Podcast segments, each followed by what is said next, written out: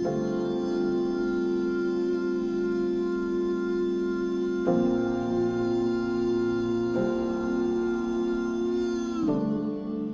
og velkommen til podkasten Mammahjerte med psykolog Ingvild. Og eh, Ingvild, det er meg. Og eh, jeg er en psykolog som bryr meg veldig mye om svangerskap, fødsel, spedbarnstid og kvinnehelse. Og eh, jeg holder på med det på flere måter. Podkasten her en mulighet til å gå litt i dybden på ulike psykologiske temaer knytta til denne livsperioden, knytta til det å være kvinne så driver jeg mammakurs.no, der jeg har um, Mammahjerte medlemsportal for deg som er spedbarnsmamma og har det, har det, utfordrende. Og så har jeg Min fødsel, som er et fødselsforberedende kurs som jeg har spesielt laga for deg som er redd for å føde, har fødselsangst. Og så driver jeg også Klinikk Partum, som er en uh, psykologklinikk med en gjeng med engasjerte psykologer som, som bryr seg om det samme som meg. Så det er litt, litt, om det jeg driver med. Og um, i podkasten her så syns jeg det er veldig artig å ha gjester. Og i dag har jeg med meg en gjest, Julie Valsø, eh, som skal få si litt, eh, litt om seg sjøl. Jeg gleder meg veldig til å snakke med henne om boka hennes, selvfølgelig, men uh, også det som særlig som boka handler om, da, nemlig fødselsdepresjon. Så hei, Julie. Velkommen. Hei, tusen takk. Så hyggelig at jeg får være med. Du, det er sikkert mange som, som kjenner til deg fra før, men i tilfelle noen som eh, hører på som ikke gjør det, kan ikke du si litt eh, om hvem du er og hva det er du holder på med? Ja, nå, akkurat nå så holder jeg på å flytte inn i Altså bo meg litt mer inn i en generasjonsbolig med foreldrene mine eh, og familien min. Jeg har to barn og én mann. Og nå har vi flytta inn i overetasjen på en horisontalt delt eh, generasjonsbolig rett utenfor Bergen, etter å ha reist ett år rundt i bil i Europa. Ja. Eh, så, ja, så jobber jeg eh, som influenser og er forfatter. Eh, Podkast, illustrasjoner osv. Ja. Og også bok nå nylig. Ja. Mm. ja, det må du si litt om. Ja, jeg eh, skrev denne boka etter jeg overlevde småbarnslivet. Um, fordi jeg gikk gjennom en ganske heftig eh, fødselsdepresjon. Og så når jeg kom ut av den fødselsdepresjonen og turte å dele om det i sosiale medier, så så jeg veldig mange fellesnevnere av at vi eh, nye foreldre gikk rundt og bar på ganske mange av de samme forventningene. Og ikke det at det å unngå å innfri disse forventningene hadde gjort at jeg hadde sluppet unna en fødselsdepresjon. Men da jeg ble bedre, så skjønte jeg at ikke det å innfri dem gjorde meg bedre heller. Så det var da jeg mm. på en måte begynte å undersøke det og begynte å skrive ned noen av de opplevelsene. Ja. ja og jeg har jo lest boka og um, syns jo det var en ja, veldig, veldig fin opplevelse. Uh, og det, det jeg syns var så Eh, så fint. Det var liksom måten du beskrev eh, ting som, som påvirka deg, da, som spilte inn, og liksom den her veien inn i en fødselsdepresjon. Um, og som, som, jeg vil gjerne høre, høre litt mer om. For, fra mitt ståsted da, som psykolog, som treffer mange kvinner um, som, som, enten er midt i det, eller kanskje ser tilbake på ei spedbarnstid der de har skjønt at oi, jeg hadde det faktisk så, så ille. Um, at, at, det var en fødselsdepresjon. Men så savner jeg sant, beskrivelser som er tilgjengelige, sånn at man kan forstå litt mer. Da. For ofte sånn når det blir snakk om fødselsdepresjon, så er det liksom sånn symptomer sånn og sånn, og det blir liksom sånn hva skal jeg si, stivt eller tørt eller fremmed. Det er liksom ikke nært på hvordan det faktisk er å, å være den mammaen da, som, som, sitter der med den babyen. Um, så ja, kunne, kunne, du ha sagt litt, det er jo et stort spørsmål, men liksom, hva var det mm. som, eh, de her tingene som bidro, da, tenker du? Ja, det er det som er at uh, ofte så har vi et slags sånn film- eller TV-seriebilde av hva en depresjon er. Så jeg tenkte jo Det var aldri noe jeg tenkte at jeg var etter fødselen. Jeg tenkte ikke 'nå er jeg fødselsdeprimert'. Fordi mm. at i mitt hode så var jeg en deprimert person. En som for det meste lå i senga, som ikke klarte å komme seg opp, og som, hvor det bare var søppel og rot og drit overalt, og som hadde lyst til å ta livet sitt hele tiden. Så jeg tenkte ikke at det var noe galt, hvis du skjønner? Altså, Mm. men de tegnene altså, I etterkant er det jo mye lettere å se dem. Men jeg tenkte jo for det første at jeg ikke hadde noe angst, at jeg ikke var noe nedstemt. Jeg tenkte at jeg måtte skjerpe meg og få til ting og akseptere ting, og da kom det til å bli bedre. Og det stemte jo ikke, men det var det jeg på en måte Det var de beskjedene jeg oppfatta fra samfunnet og fra legetimen og hos jordmor og hos venner og familie. Alle sa jo at det var vanlig å være trøtt, og det var vanlig å gråte. Barseltårer, det var ikke noe uvanlig i det. Jeg hadde jo fått to veldig tette, så selvfølgelig var jeg veldig sliten og bla, bla, bla. Så jeg, beskjeden jeg fikk, var at eh, det jeg kjente på, var ikke alvorlig, på en måte. Mm. Ja, og, og hva um, hvis, hvis, eh, så Jeg bare kom på et eksempel. eh, Det blir kanskje å hoppe litt rett Mm. ut. men et eksempel du beskriver. Du var på en sånn venninnetur. Mm. Eh, til, til Var det Barcelona? Nei. Ja, til Portugal. Sånn omtrent før renselsen var ferdig, så tvang jeg hele familien med til Portugal. Fordi at jeg eh, på et eller annet vis ville vise at jeg ikke var utenfor den jentegjengen bare fordi jeg hadde fått barn. Selv om jeg da trossa egentlig det jeg hadde lyst til, som var å være hjemme og slappe av. Mm. Så tenkte jeg jo, men meg før hadde elska dette her og ville dra på jentetur, så da bør jeg også være det. Og em, det her er en vinkling som jeg ikke har tenkt så mye på før Selda Ekiz, hun bokbada meg på lanseringen. ja. Hun sa det at det var så trist å høre hvor mye du skjøv til siden den skjøre, lille nye delen av deg som hadde Mm. blitt mor. Mm. Um, hvor jeg mer hadde tenkt på sånn så trist at jeg ikke hadde klart å si ha det til den gamle meg, mens hun som uh, ganske ny mor selv, så Ja. mer på den derre Du ville ikke gi plass til den nye delen av deg, du skjøv henne veldig til siden og tvang Mm. deg selv på tur, og du tvang deg selv til å gjøre ting. Og det er nok veldig sant, det var jo en del av det jeg gjorde. Og en sånn opptakt til depresjonen var nok at jeg satte opp tempoet voldsomt for å unngå å kjenne på negative følelser eller fravær av følelser. Eller at ting ikke var som de skulle. Og det har nok vært en sånn taktikk jeg har hatt hele livet, så den var jo ikke ny. Men her hadde jeg et veldig sånn konkret mål, og det var på en måte bare ta igjen livet.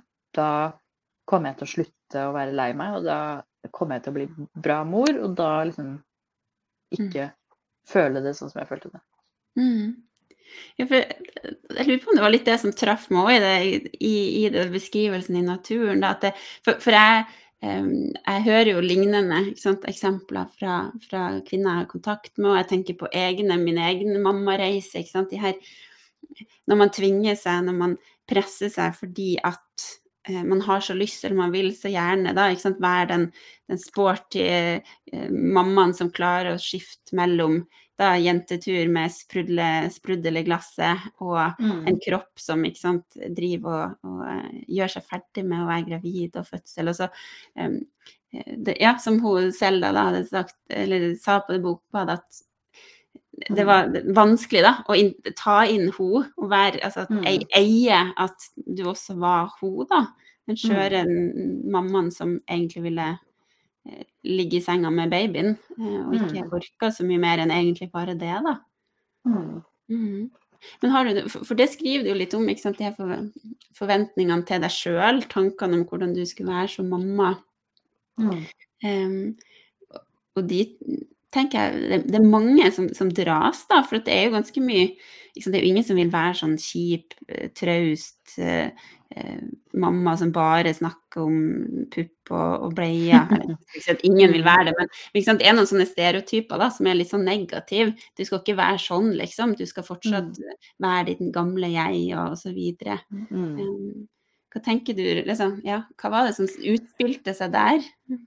Ja, det er jo et ganske sånn eh, komplekst problem, egentlig. Hvorfor er det negativt å snakke om disse tingene? Altså sånn, det er jo både sett ned på Kanskje hvis du tenker på både i samfunnsmessig, den jobben det er å føde og eh, oppdra barn og bli forelder.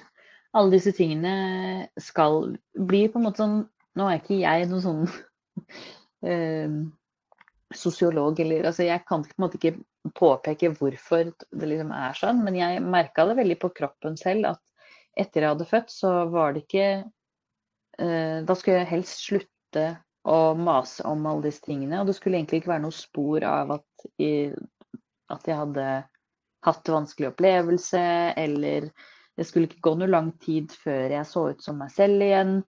Alle Mm. disse beskjedene var jo at det som har skjedd nå, det er ikke så viktig, og vi vil egentlig ikke høre så mye om det. Mm. Um, og det er jo et ganske stort problem, fordi at altså sånn, Hvis rollene var reversert altså, Vi kan på en måte bare sette oss liksom litt inn i hvor mye annet vi setter høyt, da, og andre ting vi setter lavere. Mm. Og jeg tror ikke jeg tenkte på det på den måten da. Jeg bare oppfatta at eh, det som jeg kjenner på, er ikke så viktig. Jeg må på en måte bare skjerpe meg. Folk har jo født eh, siden tidenes morgen. Hvorfor skal jeg komme og knekke sammen av det, liksom?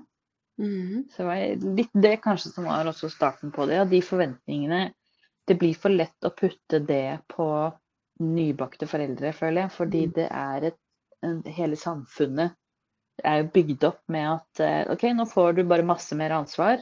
Men du får ikke Mm. noe mer tid. Du må løpe litt fortere etter det toget. Mm. Og så må du bare eh, bake før frokost, og så må du lage en ny strategi for å få barna dine ut. Det bare Mm. er ikke sann småbarnslivet funker. Og det er jo det jeg skriver i Mm. starten av boka. at Før så virka jo livet sånn vi kunne forberede oss til ting, og så får vi god karakter. Kjempebra jobba. Mens med småbarnslivet så har du to faktorer, i hvert fall jeg har to eh, barn, som. Ikke bryr seg om strategiene dine. Mm. Så da kan du ikke bruke de mestringsstrategiene som du har gjort i løpet av livet, da, på å måle hvor bra noe går. Mm. Fordi at uh, samfunnet sier dette må du bare få til, mens realiteten sier at dette her er jo et umulig hjul. Hvor, hvordan Mm. skal jeg gjøre, følge alle disse standardene, da? Og det viser seg at det går Mm. selvfølgelig ikke an, men Mm. Ja. Mhm. Ja, og litt den der undergravinga av um, hva, hva som ligger i det å liksom brukt kroppen sin til å bære frem et nytt menneske, og så født det. Uh, Mm. og så, så skal du på en måte eh, Det er noe som jeg syns du beskrev, litt hvordan det, det utspilte seg i deg, da, men liksom de her eh, holdningene og litt sånn Nei, nå nå, nå, må du liksom, nå er du ferdig med det. Liksom. Ja, ja, svangerskap det er ganske vanlig. Liksom, alle gjør det. Mm. Get going. Eh, Og så er Mm. det jo egentlig ganske så livsomveltende. Um, og ganske så Ja, så, så, så det krever jo ganske mye krefter, da. Eh, men så på en måte heier vi frem dem som eh, klarer å, å speede seg gjennom det, og liksom kjapt er ferdig med det, da. Mm. Eh, og, og kan være seg sjøl igjen. Eh, mens det høres ut som ja, Mm. både du og jeg er litt enig med det der med at vi, vi blir jo ikke oss sjøl igjen. Vi blir en ny utgave. Eh, Ja, Og det kan være ganske skummelt, så hvis noen hører på det og f.eks. ikke har fått barn ennå, det kan være ganske skummelt å høre at ikke du blir deg selv igjen. Men poenget er jo at eh, i løpet av livet, det er jo ikke bare når vi får barn at vi endrer oss. Så vi endrer oss jo mye i løpet av livet. Det er bare at i den perioden så blir det utrolig tydelig, da, alle de tingene du ikke kan gjøre akkurat i den perioden. Mm. Og hvor kroppen din og tiden din tilhører på en måte noen andre. Du kan ikke bestemme over den like mye. mm, Og da mister man seg selv. Men tingen er at det er ikke så farlig som jeg tenkte det var. mm, Og så mm, til slutt så finner de der gamle bitene av deg og de nye bitene, de passer sammen på en eller annen måte. Men Mm. jeg rusha veldig, og hadde lyst til å lande med en gang. Hadde ikke lyst til å bli miste meg selv og ikke bli en ny et eller annet. mm, Så, og så tror jeg at vi har et veldig snevert uh, syn på hva det vil si å være foreldre. Altså sånn, jeg trodde jo at jeg kom til å måtte bake boller og gå med forkle og begynne i kor. Og ikke det at noen av de tingene er negative, det er bare at det var det bildet jeg hadde i hodet av hva en mor var. Da tenkte jeg okay, da må jeg det, selv om jeg ikke klarer å synge og jeg hater å bake. Så jeg tror nok at hvis vi hadde også utvida mm, hvordan vi ser på det å bli mor eller forelder, eller så hadde det kanskje vært litt mer plass til de som ikke føler at de passer inn i den derre De mødrene de ser på brosjyrer, på en måte. Ja, for det er jo ganske mye Det, det treffer jo jeg en god del av. Altså ganske mye sånn kjipe indre dialoger som foregår ganske mange mammaer og pappaer for den saks skyld, men særlig Særlig spedbarnsmødre òg, som er skikkelig Mm. kjipe med seg sjøl, da. Fordi det er sånn her eh, Mm. opp- Ja. eh, Observere og vurdere seg sjøl noe voldsomt. Fordi og også den, den linja du skal gå på som mamma, blir så smal, da. Eh, Mm. Og så og, og tror du Og så tror du ofte at du At andre får til ting. Og det tenkte jeg litt på, for du sendte meg jo en slags sånn eh, tekst på hva du syns For du har jo lest gjennom boka før den ble gitt ut, for, som, som fagperson. Og Mhm. noe av det du skrev, fikk meg til å tenke på eh, Jeg hadde ikke tenkt på at det var det jeg hadde gjort. Men ofte så tror vi at andre får til ting fordi at vi bare ser bitte litt av livet deres, og så ser vi veldig mye av vårt eget liv. Og så Mm. driver vi med det du sier, at vi driver og kritiserer oss selv veldig og har en ganske kjip indre dialog. Og det er fordi vi vet alt om livet vårt. Vi Mhm. ser alle gangene vi ikke får til noe, og så ser vi de gangene vi får til litt. Mens i Mm. andre sine liv så har vi jo bare et bitte lite vindu inn til de. Så vi tenker at de får til alt. Mm. Jeg må skjerpe meg. Mm. Men så er det flere som har sagt til meg da, at eh, den boka lar dem se at det ikke er sant. Det er jo Mm. ganske få ganger i livet du får så mye innsikt i noen andre sitt liv. Um, og det er på en måte det jeg tror jeg har prøvd å gjøre, er å vise ganske konkret hvorfor ikke de strategiene fungerer, og at det er ingen som får det til, uansett hva det er, da. Men det er sykt vanskelig, fordi vi, vi vet ikke nok om andre sine liv. Og vi Mm. klarer ikke å forstå alle de fasettene til hvorfor, hva som fungerer for dem, og hva som ikke fungerer for dem. Da går vi alle rundt og tror at alle får det til, og så er det ingen. Mm. Mm. Ja, og da tenker jeg når eh, det der eh, Det presset som vi Altså den spenninga det skaper, da Um, Da Vi får ikke til å være rause med oss sjøl. Altså sånn og tenke at Mm. åh, nå, nå er det ikke så greit å være med. Det, det, stre det, var, det her var litt strevsomt, det. det her, å gå gjennom det svangerskapet eller den fødselen og ha den her babyen og OK, jeg får bare liksom finne ut av det og lage min egen uh, miks. Uh, så, så Mm. blir det jo det blir jo liksom, jeg, jeg tenker på en podkastepisode jeg hadde med en, en psykologkollega i Klinikk Bartum som heter Lene, som er veldig opptatt av liksom den her perfeksjonismen da, som, som, som, veldig mange av oss havner i. Og jeg tenker ikke at det er et problem som ligger i hver enkelt, jeg tenker det handler om, om samfunnet. da, Og litt det her med at Mm. det å være mamma eh, blir en, en, noe du skal prestere innenfor. Det blir en form for eh, 24-7-jobb der du har litt sånn eh, eksamen Mm. hver dag, på en måte. Mm. Um, og i hvert fall min erfaring er at den strengheten der da, kan være med Mm. å trykke oss ned og gjøre at vi blir mentalt utslitte. og også ja, utvikler angst, som, som mange ikke vet ofte er en del av fødselsdepresjoner. Du beskriver jo litt den her Jeg vet ikke om du vil kalle det liksom manisk eh, Ja. Den her krydderskuff-eksempelet, da. Det var jo sikkert flere, men litt den her Mm. dirringa. Liksom, du beskriver så godt den her um, som jeg hører fra mange, at man dirrer nesten innvendig. Mm. Ja, først, for det første så trodde jo jeg ikke at jeg hadde angst i det hele tatt. Fordi at jeg er veldig sånn Jeg er veldig spontan, jeg er veldig avslappa i forhold til rot og timeplaner og jeg har mer problemer med, med streng tidsplan enn det jeg har med at jeg aldri vet noen ting. Så jeg tenkte at eh, angst har ikke jeg. Eh, og så er det så gøy eh, og kjipt da, å se tilbake på at eh, jeg hadde det, jeg bare hadde et altfor snevert syn på hva det var. Eksempel så tror jeg ikke at de fleste eh, går rundt og er ekte redd for at de skal falle i trappa, og så eh, dør babyen. Altså, fordi det var jo liksom en sånn dobbel greie med at jeg hadde et ønske om uh, at ting skulle skje med meg, men jeg oppfatta ikke det som et ønske om å ikke være her lenger. Jeg tenkte bare at uh, jeg var sliten, f.eks. Mm. Så jeg gikk på butikken og tenkte sånn OK, men hvis det kommer en bil nå og kjører på meg, så går det bra. Eller hvor vondt gjør det egentlig å falle i trappa? Men så var de tingene ganske doble, for det gjorde jo da at jeg begynte å grue meg til å gjøre noe som helst. Og jeg slutta å ta kontakt med folk, jeg slutta å gå steder fordi jeg visste at de tankene kom til å komme. Og det er jo egentlig eh, angst. Jeg bare forsto ikke at det var det det var. At det hindra meg Jeg var redd for eh, meg Ja. selv, da, på en måte de tankene jeg hadde. Ja. Og så er det det med den manien også, som er sånn Som jeg heller ikke skjønte at det var. Eh, at jeg opererte på en slags sånn Brukte opp all energi. Nå skal jeg bare Var jo helt utenfor meg selv.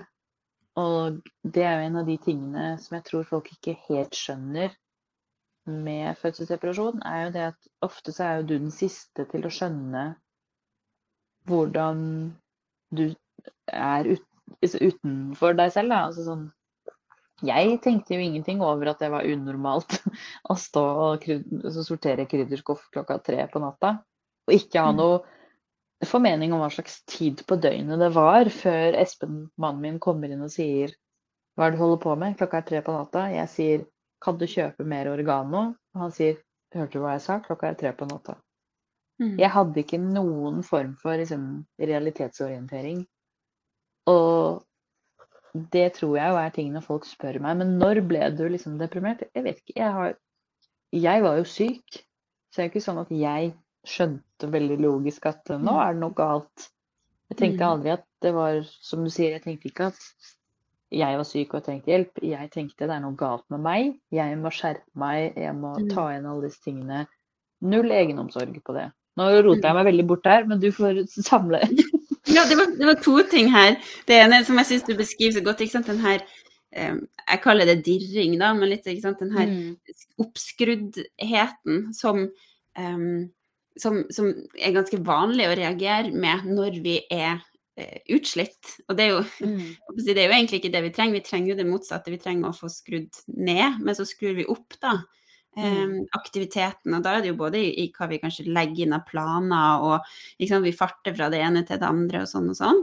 Eh, men Ja. også liksom tempoet i hodet og ja, i det Ja, hele tatt det er jo det jeg skriver der. At jeg, jeg, Ja. Det var da vi dro til Portugal, og jeg søkte meg inn på nye studier samtidig.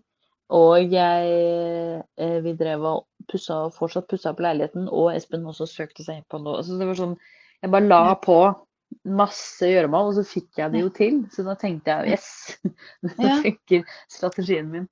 Sant? Og, det, og det der er så viktig opp mot det vi starter med, ikke sant? det å forstå eh, hvordan har jeg det egentlig, er jeg på vei inn i en fødselsdepresjon, også for folk rundt. Eh, For det er jo ikke gitt at de heller forstår. at Det, det tar jo tar ofte en del tid før det liksom, eh, brikkene faller på plass, og man skjønner liksom hvordan ting står til. Men med at man kan bli jo tolka som sant, energisk eller eh, Nå snakker jeg ikke om manisk i sånn, sånn diagnoseforstand, men litt den her Mm. oppskruddheten, da som, som, um, som da kan på en måte eh, ja, kamuflere litt hva som egentlig foregår. Fordi man kan jo også få til ting, som du sier, ikke sant. Mm. Eh, man får til bra ting, og man kjenner kanskje glede og, og gira, og, men så er det noe som foregår på innsida som ikke helt um, stemmer med det, da. Mm. Og det er ikke så lett å forstå. så det, det er derfor jeg syns det er så nydelig, mye av det du beskriver, Mm. da.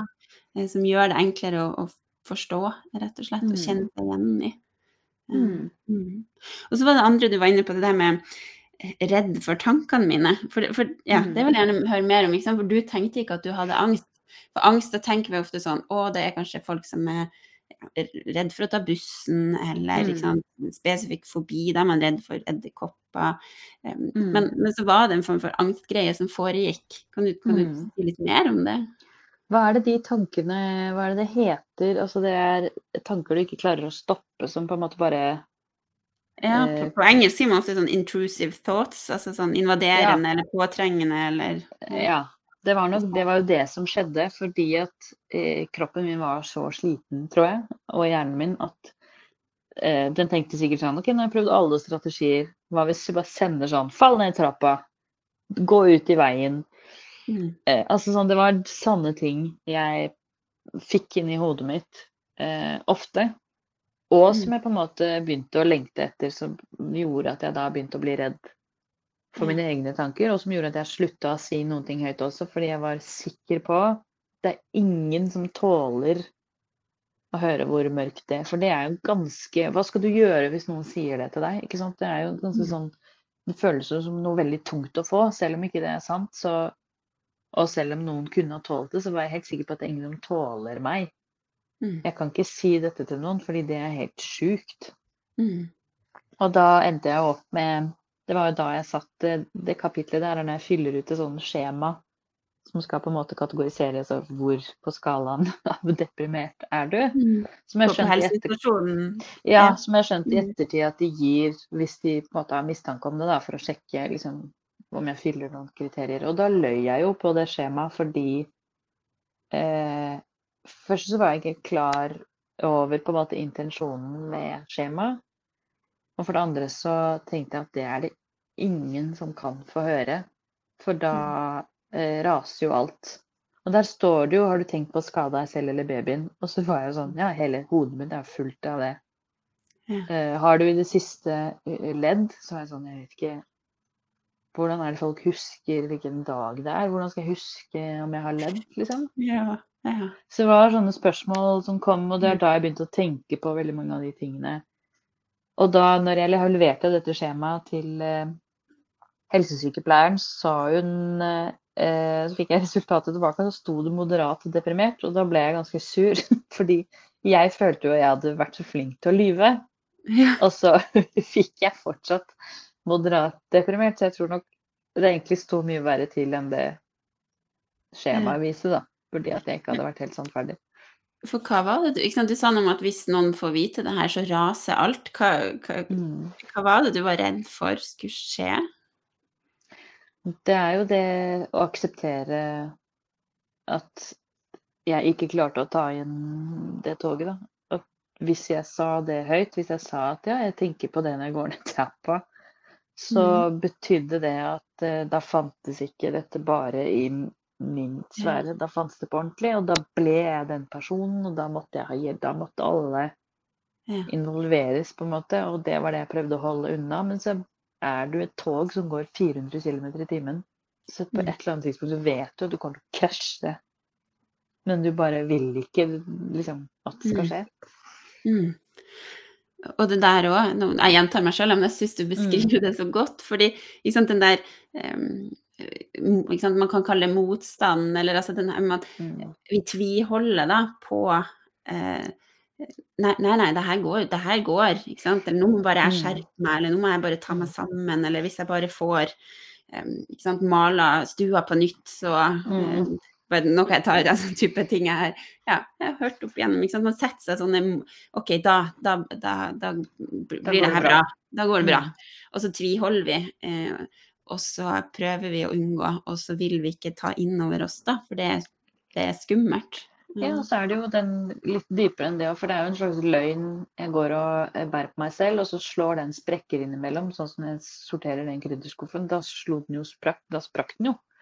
For Mm. da ploppa jeg ut med det som var inni meg. Da var det liksom skille mellom min verden og det som var ekte. Og det er det at hvis jeg bare fikk leve i min så kunne jeg på en måte tro på den løgnen om at det gikk bra. Men når den slo sprekker, så kunne jeg jo ikke få den tilbake. Så det var da det klarte jeg ikke å holde det. fordi når jeg sorterte den krydderskuffen, så sa jeg jo eh, Når han sa klokka er tre på natta, så sa jeg jeg har lyst til å rive av meg huden. Og det var jo en glipp. Det skulle jeg jo ikke si, ikke sant. Det, ikke, Mhm. det var ingen andre som skulle vite det, på en måte. Nei. Eh, og da når jeg hadde sagt det, så føltes det jo ikke som at jeg liksom ah, endelig kan jeg si det, og nå og kan jeg anerkjenne Det var mer sånn fuck, nå har jeg nå er jeg avslørt, liksom. Nå må jeg til Ja. rektor, eller nå Ja. Fordi du vil jo ikke tenke jeg er litt manisk nå, eller jeg eh, har eh, Å falle i trappa er ikke normalt å tenke. Du, hjernen din vil jo liksom lure seg Mm. selv. Så hvis du da glipper, så betyr jo det at eh, det går ikke an Du vil jo ikke være en som mister kontrollen. Du vil ikke være noen som ikke er seg selv, eller som er her i 110 km i timen. Nei, og, og jeg syns det, liksom, det viktig å få frem hvordan det oppleves å være i eh, Jeg vet ikke om boble er rett ord, eller litt sånn det her indre for, for, ofte, ikke sant, når det kommer til psykisk helse, så sier man sånn, ikke sant eh, Be om hjelp, eksempel. Og så er jeg helt enig, man skal be om hjelp, men mm. det er jo ikke så enkelt hvis du ikke vet hva er det som foregår, eh, og du mm. ikke vil måtte ta innover deg det som foregår. Um, så da er på en måte det, det, er en del steg kanskje før det nærme å be om hjelp blir aktuelt, da. Mm. mm. Og så kanskje vanskeligere eller mer ullent når du har et barn også, fordi symptomene på å få barn og fødselsdepresjon mm. går over i hverandre. Så du får jo mm. hele tiden bekrefta at det du kjenner på er normalt, men til hvilken grad? Så kanskje hvis jeg hadde vært alene, kanskje hvis jeg hadde Og det er ikke sikkert jeg, er ikke psykolog, så jeg vet ikke, men jeg ignorerte det så mye fordi at eh, det er vanlig å være sliten. Da, da, da, da. mm. Ja. ja, og hva, hva, er hva i denne fasen? Det, det, det må, ja, blir noe jeg spurte ofte om. ikke sant? Hva, mm. Hvordan vet jeg? Hva er, må jeg bare bite tennene sammen nå? Er det meningen mm. at jeg skal ha det sånn her? Har alle andre det sånn her? Det var bare jeg som var naiv og trodde at det skulle ja, være mm. litt lettere å, å bli mamma. Um, for det er jo litt en Ja, det er jo jeg generelt opptatt av, at, at normalisering bør ikke bli til bagatellisering, da. Altså at mm. det er normalt å kjenne seg psykologisk prega. Men det betyr ikke at vi skal bare sitte og eh, akseptere og ta imot alt. Altså, det, det mm. betyr at vi like godt kan stoppe opp og si OK, nå er det det her som foregår. Er det noe som kunne gjort det lettere? Mm. Så de, bagatellisering er noe helt annet enn en normalisering, da. Mm. Mm. Hm. Det er andre ting altså Vi har jo vært innom mye allerede på sånn som fra mitt perspektiv sant? Ting som Når jeg sier ting, det var jo ikke ting, men prosesser som foregikk, som, som mm. påvirka deg. Eh, var det andre ting som, som også var viktig? I Eh, hvor, eh, hvorfor jeg fikk fødselsdepresjon, eller hva tenkte ja. du? Mm. Eh, jeg tror nok at veldig mange kanskje også har lyst på en slags oppskrift for å unngå det, hvis du skjønner. Fordi mange kanskje er redd for det. Mm. Og det er på en måte ikke noe man verken skal være redd for eller ha en oppskrift for å unngå, fordi at det er så sammensatt hvorfor noen får det og noen ikke får det. Så for meg mm. så tror jeg det bare var en slags sånn perfekt storm um, mm. til at det skjedde. For vi sto i familiekriser begge to samtidig som at uh, det var veldig kort mellom barna. Mm. Um, og jeg tror nok at den fødselsdepresjonen var jo allerede i gang. Det kan jo du kanskje, du som er psykolog, vurdere. Men sånn når uh, jeg i starten sier at hvorfor kan vi ikke bare lage en til?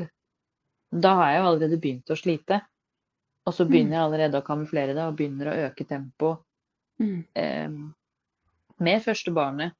Mm. Så jeg er faktisk litt usikker på når det egentlig starta. Om det starta som mm. en begynnende svangerskapsdepresjon som ble en fødselsdepresjon, eller når For meg er det ganske ullent, da. Jeg mm. er ganske usikker. Jeg fikk jo ikke diagnosen før eh, noen måneder etterpå. Men opptrappingen er Alt er så gradvis, og det er det som er litt mm. sånn Men jeg tror man må for det første stole på seg selv. At man merker at noe At nå begynner det på en måte å skli ut Nå er jeg ikke meg selv. Hva, hvis man tør å være såpass i følelsene sine. Og at jeg var heldig som hadde en partner som kunne realitetsorientere meg. da. Mm. Og som så meg i den prosessen før og etter.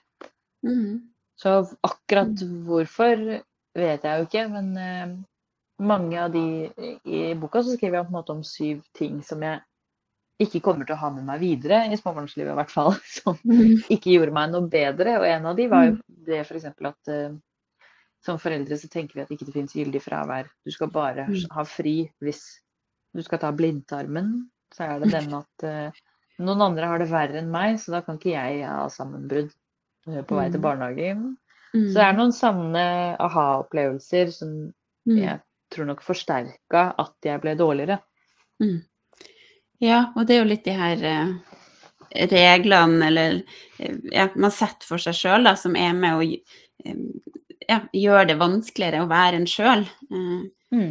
det er jo aldri For sant, jeg fortjener aldri en pause. Um, Mm. den er jo Den er jo litt skummel, fordi da blir det jo Da blir det jo aldri pause.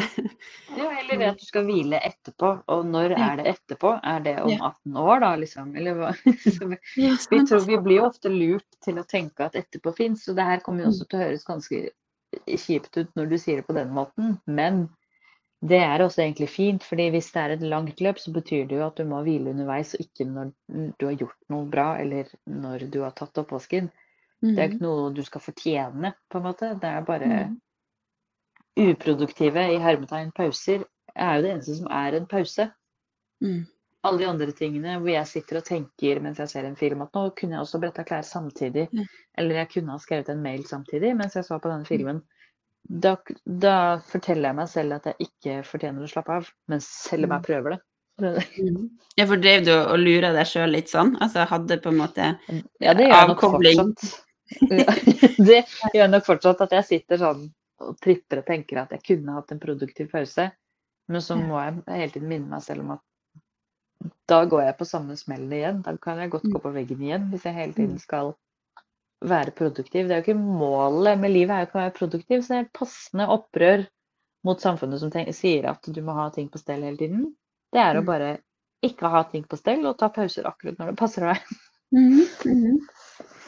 Men kan, du dele noen um, flere av de der eh, sju du, Nå har du kanskje vært Ja. innom Du nevnte to, men det Skal vi ta de kjapt, da? Hva ehm, Skal vi se. Her er de. De syv budene for å overleve småbarnslivet. Du må ikke få det til, det har vi snakket litt om. Mm, Hva enn det er, så er det ingen som får det til. Det er en illusjon. mm, mm. Det er lov å miste seg selv. Til slutt så kommer brikkene sammen. Ja, det har vi jo vært innom òg. Ja. Det er ingenting som bare er å gjøre. Og det er alle disse rådene du får. Noen av de kan du ta med deg, og noen av de må du kaste. Fordi Mm, alene så er bare år, som jeg kaller de, ganske uskyldige. Det er bare å ta knebøy mens du lager kaka. Det er Mm. bare å spise blåbær, så blir du sunn. Det er bare å legge ting på en fast plass, selv om barn driter i Mm. det. Men Mm. sammen så blir de et fjell av alt du ikke får til. Så du må beholde de du vil, og kaste de du ikke klarer. mm, Og så er det Noen har det alltid verre, men det betyr ikke at du ikke fortjener hjelp også. Mm. For det, hvorfor skal du vente til du drukner litt lenger ned med å Mm. spørre om hjelp, f.eks.? Den der er viktig for. Altså, jeg hører det sant, i varianten, ikke sant. Eh, ja, men sant, kvinner i u-land eh, Mm. før, Eller før i tida hadde, fikk man tolv barn. Altså, det er hele Mm. tida grunner til at du som kvinne i Norge ikke har lov til å Slite. kreve noe, da. Eller ikke Ja. ha det greit. Så tror jeg at eh, livet hadde vært lettere som småbarnsforeldre hvis det var flere som hadde sammenbrudd fordi det ikke finnes riktig fiskepinne på butikken. Da tror jeg vi også hadde unngått de store sammenbruddene og den store krasjen i veggen. Hvis vi også fikk være litt sånn som treåringer iblant og bare gråte litt fordi åh, jeg er sliten av Hvorfor har de ikke de fiskepinnene som ungen min liker? Nå blir det krise når jeg kommer hjem. Ja. Tenk, hvis du kunne se en annen småbarnsmor gråte på Kiwi, liksom. Da hadde du følt liksom OK, da kan jeg også gråte litt. Og det har jeg et eksempel på. Jeg var på T-banen en gang, og så var det en mor med en sykkelvogn og to barn oppi. Og de barna klikka i vinkel for et eller annet. Så så satte hun seg bare ned med syk sykkelvogna, og så begynte hun å gråte. Og det fineste som skjedde da, var at det kom tre andre eh, Ah. kvinner bort og trøsta henne og hjalp henne av T-banen. og Ja. så tenkte jeg at det er sånn det skal være. på en måte. Vi, Ja. Noen har det alltid verre, ja, men det betyr ikke at ikke du skal gråte litt på T-banen. Det går bra. Ja, og det, det der er, ja, det er så viktig. Det er derfor jeg er så glad i å drive grupper. Der har jeg gjort mye sant, med, med nybakte mødre. Fordi det, det er så kraftfullt å få lov å være sammen og dele og se at en, en annen Mm. mamma som gråter litt, eh, Mm. eller som tenker på det her, kjenner på det her. Eh, og litt det der Mm. fellesskapet, da, som du Mm. beskriver med de, de kvinnene som kom bort. Eh, det er Mm. det jo Jeg syns det er for Mm. lite av det, da. Eh, sånne gode kvinnefellesskap. Mm. Mm. Så er det raser gjennom her. Det finnes alltid gyldig fravær, det har vi snakket om. Ja. Eh, Det går ikke over, hvil underveis, og ikke etterpå. Mm. Og i aller beste mening, da. Altså, ikke tenk at det går over, for da sliter du deg ut. Fordi det kan hende OK, så er tennene ferdig, da, men da kan det være mareritt. Du kan ikke Mm. slite deg ut fordi du tenker at fra nå av blir det bra. Og sånn var det jo ikke med livet før barn heller. Du er jo ikke garantert at nå får du ti år hvor ingenting er slitsomt. Mm. Så da må du på en måte Mm. lage disse gode, fine pausene uansett, da. Eh, og så den siste er eh, å akseptere tingenes tilstand er ikke det samme som å gi opp. Ja, den må du forklare litt. nei, det er det at eh, Det var jo det som skjedde på kjøkkenet den natta, var jo at jeg måtte begynne å akseptere at det ikke gikk så bra.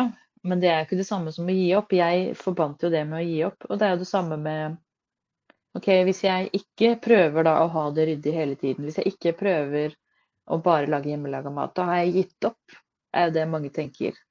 Men så er det egentlig mer det å akseptere at jeg kan ikke holde alle disse tingene samtidig.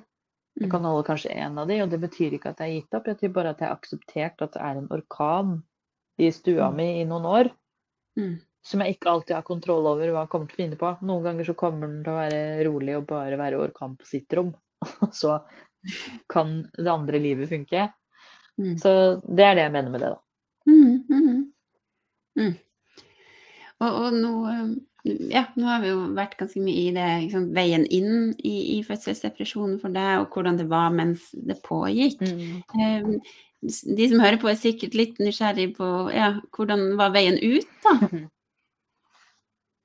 Ja, det, syns jeg er gøy at at vi snakker om veien inn og veien ut. Fordi mange andre som kanskje ikke har vært borti dette, vil gjerne høre om hvordan det var bare inni også.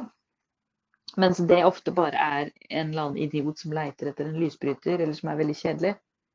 Hvis man ikke har vært deprimert selv, så kan du tenke at det er veldig sånn eksistensielt, eller Mens for meg i hvert fall, så var det bare at jeg var utrolig kjedelig. så jeg lå på sofaen, eller hvis jeg klarte å late som at jeg var et vanlig, vanlig menneske, så svarte jeg vet ikke eller ja på spørsmål. Mens veien ut er jo ganske sånn seig, men fin. Sånn det var Espen som hjalp meg til psykologen flere ganger i uka. Eh, begynte med en del ganger i uka, og så reduserte vi til én gang i uka. Eh, og det føltes ut som Hvis noen eh, som hører på ikke har gått til psykologen så føles det ut som at psykologen har sånn yatzy-terning, og så kaster ut masse forskjellig som foregår i hodet ditt, og så velger psykologen en eller to av de tingene og sier sånn Kan du snakke mer om den? Kan du snakke mer om den? Og til slutt så blir det da et slags sånt mønster hvor du kan få lov å sortere. Hva er sykdom? Hva er normale reaksjoner på ting? Og hva er depresjonen? Mm. Og til slutt så begynner du da å klare å kategorisere litt. Og når jeg begynte å klare å kategorisere, var det første gangen jeg klarte å ha egenomsorg for meg selv. Da satt jeg på toget på vei til noen litteraturfestival, og så husker jeg da at jeg tenkte Kan ikke dette toget bare spore av? Så slipper jeg liksom å forholde meg til noen ting. Men samtidig så planla jeg jo foreldresamtale med barnehagen, og jeg gleda meg skikkelig til det. For jeg ville jo høre hvordan det gikk i barnehagen. Og det var en av de første gangene jeg på en måte arresterte min egen tanke, hvor jeg var sånn At jeg skjønte shit, jeg er jo syk. Fordi disse to tankene kan jo ikke være sanne som Disse to tingene kan jo ikke skje begge deler. Jeg kan jo Mm. ikke krasje toget og dø og dra på foreldresamtale. Så det betyr jo at jeg er syk, og at jeg trenger hjelp. Og det var første gangen jeg faktisk klarte å ha noen form for empati med meg selv. Da. Mm. Mm. Og det hjalp eh, psykologen meg med å sortere ut. Mm. Det, dette er sykdom, og dette er deg, på en måte. Og Mm. jeg hadde ikke klart det før da. Og da fikk jeg masse Da var jeg ganske lei meg på vegne av meg selv. Og da klarte jeg det vi snakket om i starten her nå. Å, å ha omsorg for meg selv. Og Mm. det var en ganske sterk opplevelse når jeg gikk ut av den psykologen et år etterpå. Tenkte sånn Så vondt jeg hadde hatt det, på en måte. Jeg skulle ønske jeg kunne bære det mennesket hjem og legge henne på sofaen og liksom passe på henne. Og det er synd å tenke at jeg ikke klarte å ha det før da, men så må du ha en slags egenomsorg i det òg, da. At du kanskje ikke var Mm. klar for det før da. Mm. Mm. Mm. Så sånn var veien ut. mm. Og det er det så fint å høre deg sette ord på det her, for, for det er jo noe jeg ja, snakker mye om det sant, på Instagram. Vær god mot deg sjøl, møt deg sjøl Mm. med omsorg og forståelse og aksept. Um, men så er jo det ofte veldig vanskelig. Og Mm. for mange så, så er jo den, den jeg vet ikke, den, den strengheten eller forakten for seg sjøl, den, den er jo så, så sterk eller så automatisk Mm. at, at man skjønner ikke at det er det som foregår, egentlig. Um, og derfor så blir veien mot den, den omsorgen eh, litt, litt lang, da. Eller altså at man må Mm. faktisk jobbe litt med det. For det, er ikke- det er liksom ikke bare å si til seg sjøl i speilet sånn Nei. Tommelen opp, liksom. Du er flink. Det er liksom det er noe djupere, da. Det er den der, ja, den der godheten og den at du, ikke sant, du ville tatt med deg henne hjem og lagt henne i sofaen og laga en Mm. kakao, kakao og gitt henne en klem, liksom. Mm. Mm. Mm. Mm. Nei, men eh, tusen takk for at du har delt alt du har delt eh, i dag. eh, Mm. Eller i kveld. Vi, det her er jo en kveld. Mm. er det no, noe mer du tenker på, Julie, før vi, før vi runder av? Nei, jeg vet ikke. Hva, hva, er det noe mer du tenker på? Nei, vi har jo Nei. Jeg syns vi har vært innom mye, og det er jo Ja, dekka mye.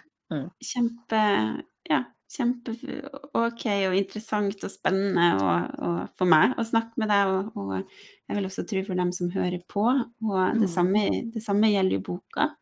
Eh, Mm. Så Ja, du trenger ikke å være, ja, det kan jeg si. Du trenger ikke være redd for å få fødselsdepresjon for å kunne lese boka. Du trenger bare å ha lyst til å se deg selv og kjenne deg igjen, og le og gråte litt av Mm. det småbarnsliv. Sant. Ja. Ja. Helt enig. Helt så selv om, ikke, selv om, vi ikke, alle blir syke, så tror jeg vi mange av oss bærer på masse forventninger og ideer om hvordan noe skal være. Og da er det greit at jeg har gått i nesten alle de fellene, og da kan man le av meg istedenfor å gjøre det. Nei, men da ble, det, da ble det siste ordet, da. Sier jeg tusen takk mm. for praten, Julie. Jo, takk.